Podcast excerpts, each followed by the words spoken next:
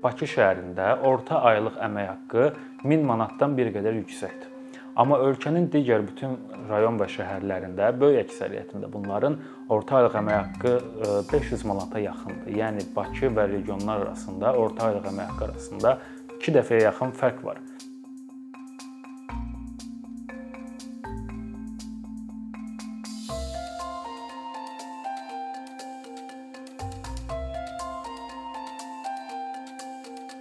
Azərbaycanda daxili miqrasiyanın güclü olması, regionlardan, kəndlərdən insanların Abşeron yarımadasına köç etməsi ilə bağlı məsələ tez-tez gündəmə gəlir və e, müxtəlif ekspertlər alternativ hesablamalar vasitəsilə və yaxud sadə insanlar öz müşahidələri vasitəsilə Azərbaycanda daxili miqrasiyanın geniş vüsət olduğunu bildirirlər. Ancaq təəssüflər olsun ki, Azərbaycanda bu daxili miqrasiya ilə bağlı açıqlanan rəsmi rəqəmlər bizə real mənzərəni görməyə imkan vermir.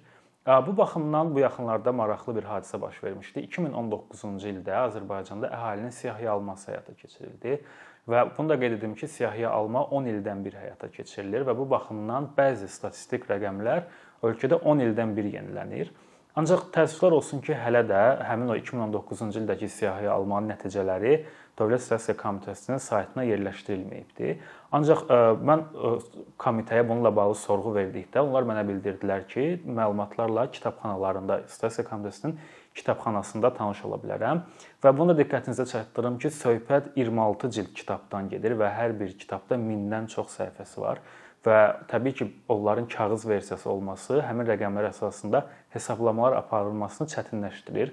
Bu baxımdan mən düşünürəm ki, Dövlət Statistika Komitəsi bu tip məlumatları elektron versiyada öz saytında yerləşdirsə, həm jurnalistlər üçün, həm tədqiqatçılar üçün maraqlı bir databaza formalaşdırmış olar.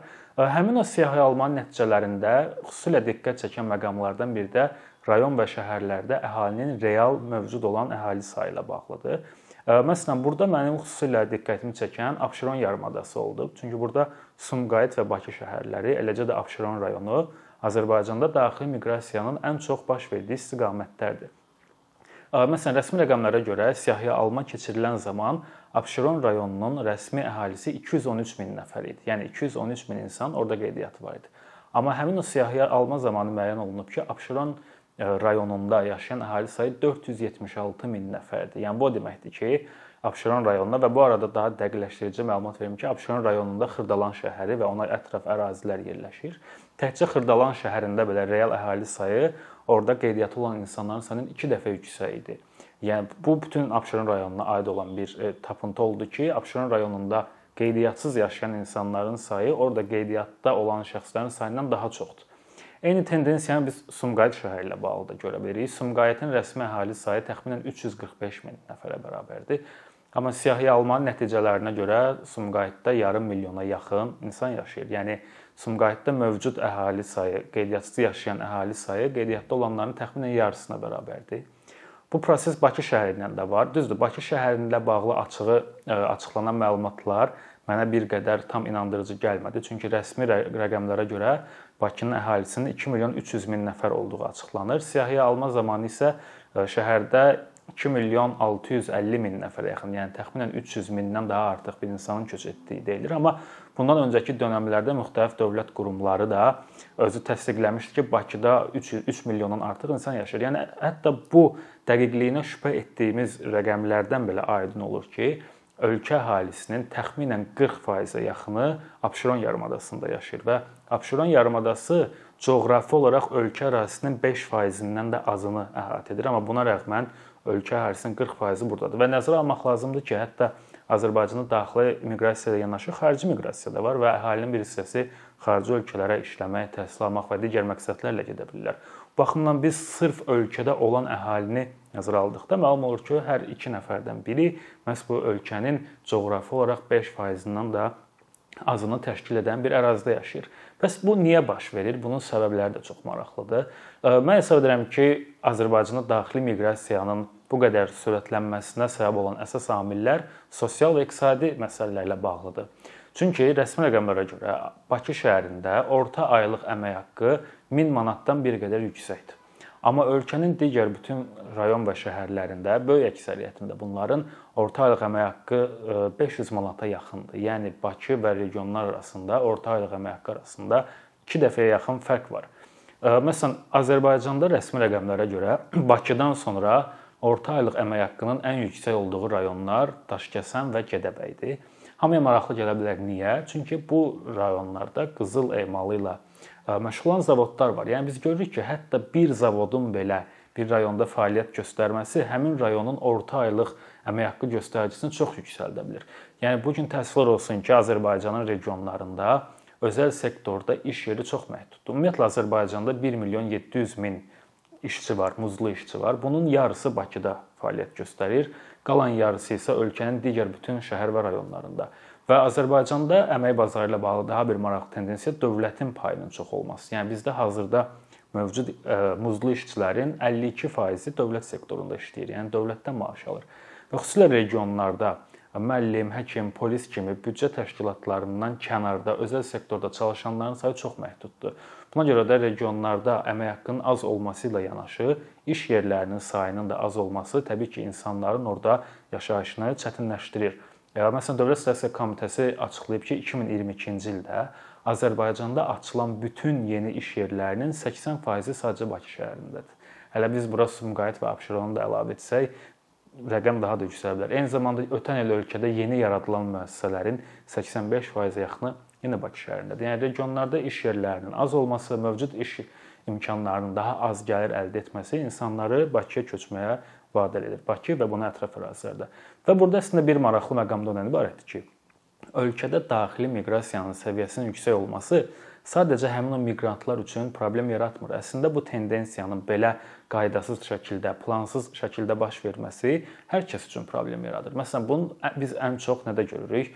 İnsanlar rayonlardan, kəndlərdən Bakıya köç etdiklərinə görə onlar daha çox qeydiyyatssız yaşaya bilirlər. Bu zaman onların mülkiyyət haqqları ilə bağlı, digər sənədləşmə işləri ilə bağlı problemlər yaranır. Digər tərəfdən ölkədə şəhər salma ilə bağlı ciddi problemlər yaranır. Çünki bu tip az təminatlı insanlar əksər hallarda şəhərin ətraf ərazilərində yaşayırlar və həmin ərazilərdə şəhər salma standartlarına əməl edilmədiyi üçün bu gün biz hamımızın şahid olduğumuz Bakının xüsusilə ətraf ərazilərində olan problemlər ortaya çıxır.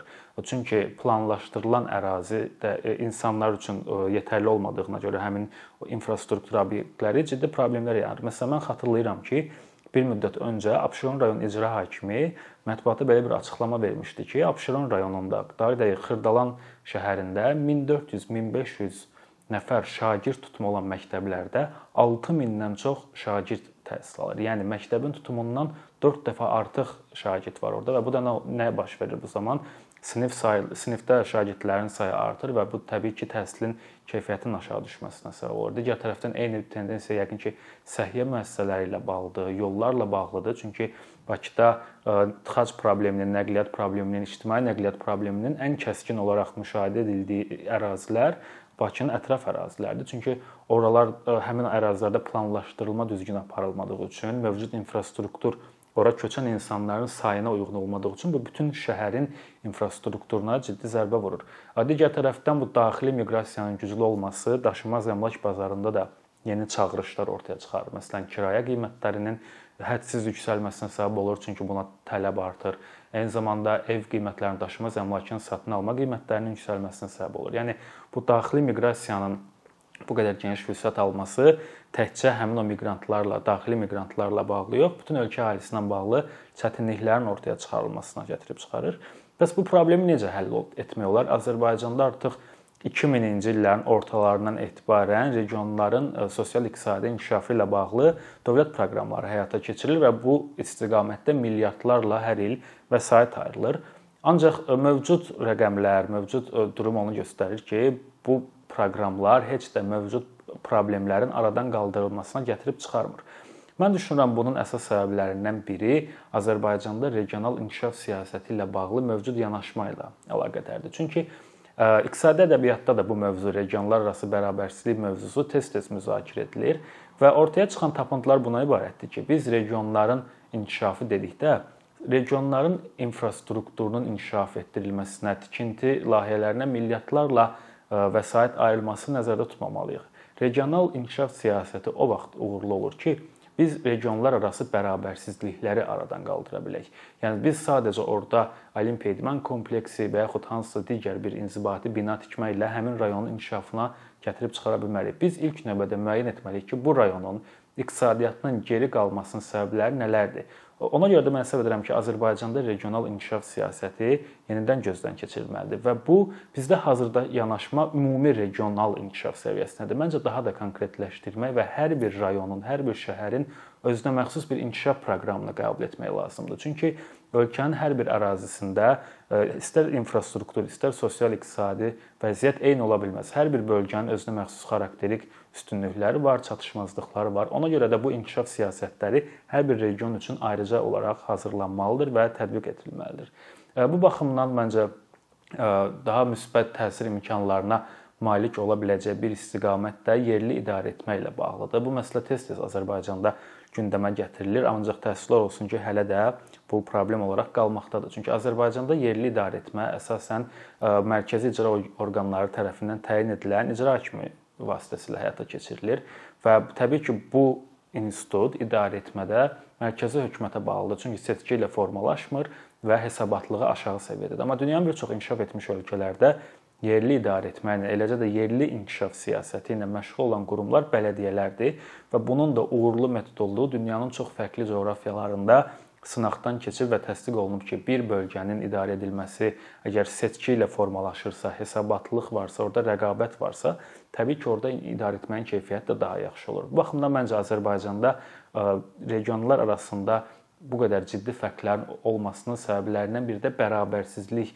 və rəqabət mühitinin olmamasına bağlıdır. Yəni mən çox arzu edərdim ki, bu gün Azərbaycanın rayonları arasında bir rəqabət olsun. Məsələn, Quba və Qəbələ rayonları daha çox turizm turist çəkmək üçün mübarizə aparsınlar və yaxud hansısa aran rayonları daha çox məhsul yetişdirmək üçün mübarizə aparsınlar. Bizdə e, bu rəqabət mühiti həm yerli səviyyədə yoxdur, həm də ümumiyyətlə ölkə iqtisadiyyatının makroiqtisadi e, strukturu da buna müəyyən qədər təsir edir. Çünki ölkədə sadəcə neft-qaz sektorundan ciddi gəlir əldə edilir. Yəni ötən il bizim ixracımızın 92%-i sırf bu sahədən idi və digər sahələrdə ixrac gəlirləri çox deyil, inkişaf bir o qədər yaxşı deyil və təbii ki, enerji sektorundan kənar sahələrdə e, gəlirlərin aşağı səviyyədə olması ümumilikdə regionlar arası bərabərsizliyə də səbəb olur. Çünki enerji ehtiyatları Abşeron yarımadasındadır. İnsanlar bura axışırlar və burada bir iqtisadi canlanma olur. Bu baxımdan mən düşünürəm ki, Azərbaycanın qeyri-neft sektorunun inkişaf etdirilməsi eyni zamanda regional inkişaf üçün də yeni imkanlar ortaya çıxarda bilər. Azərbaycanın regionlarının e, inkişaf baxımından paytaxt və ona yaxın ərazilərdən geri qalması məncə bir vacib və çox dilə gətirilməyən səbəbi də ölkədə xüsusilə son 10 il ərzində vətəndaş cəmiyyətinin fəaliyyət imkanlarının məhdudlaşması ilə bağlıdır. Çünki 2014-cü ildə e, bu sahədə olan qanunvericiliyin çətinləşdirilməsi bir çox yerli və xarici təşəbbüslərin Azərbaycanı tərk etməsinə və yaxud daha zəif fəaliyyət göstərməsinə gətirib çıxarırlar. Biz bilirik ki, beynəlxalq qurumların, beynəlxalq təşkilatların ən vacib fəaliyyət istiqamətlərindən biri də məhz icma quruculuğu, regionların inkişaf etdirilməsi, onların resurslarının artırılması ilə bağlıdır. Təəssüflər olsun ki, bu qanunvericilik dəyişdikdən sonra bir çox beynəlxalq fondlar, hansı ki, onlar insan hüquqları və demokratiya sahəsində fəaliyyət göstərmirdilər. Onlar e, sosial sahələrdə yerli icmaların resurslarının artırılması ilə bağlı fəaliyyət göstərirdilər. Hətta onlar da ölkədən getməyə məcbur oldular və indi də Azərbaycan mən düşünürəm ki, bu tip fondların yarada biləcəyi üstünlüklərdən məhrum olur. Çünki hələ də bizim ölkəmizdə e, vətəndaş cəmiyyəti təşəbbüslərinin ayaqda qalması, fəaliyyət göstərməsi ilə bağlı imkanlar məhduddur. Ona görə də Azərbaycanda bütün bu iqtisadi amillərlə yanaşı mən düşünürəm ki, vətəndaş cəmiyyəti üçün həm yerli, həm xarici təşəbbüslər üçün daha bir e, münbit şəraitin yaradılması da regionlarda insanların resurslarının artırılması baxımından çox vacib rol oynaya bilər. Thank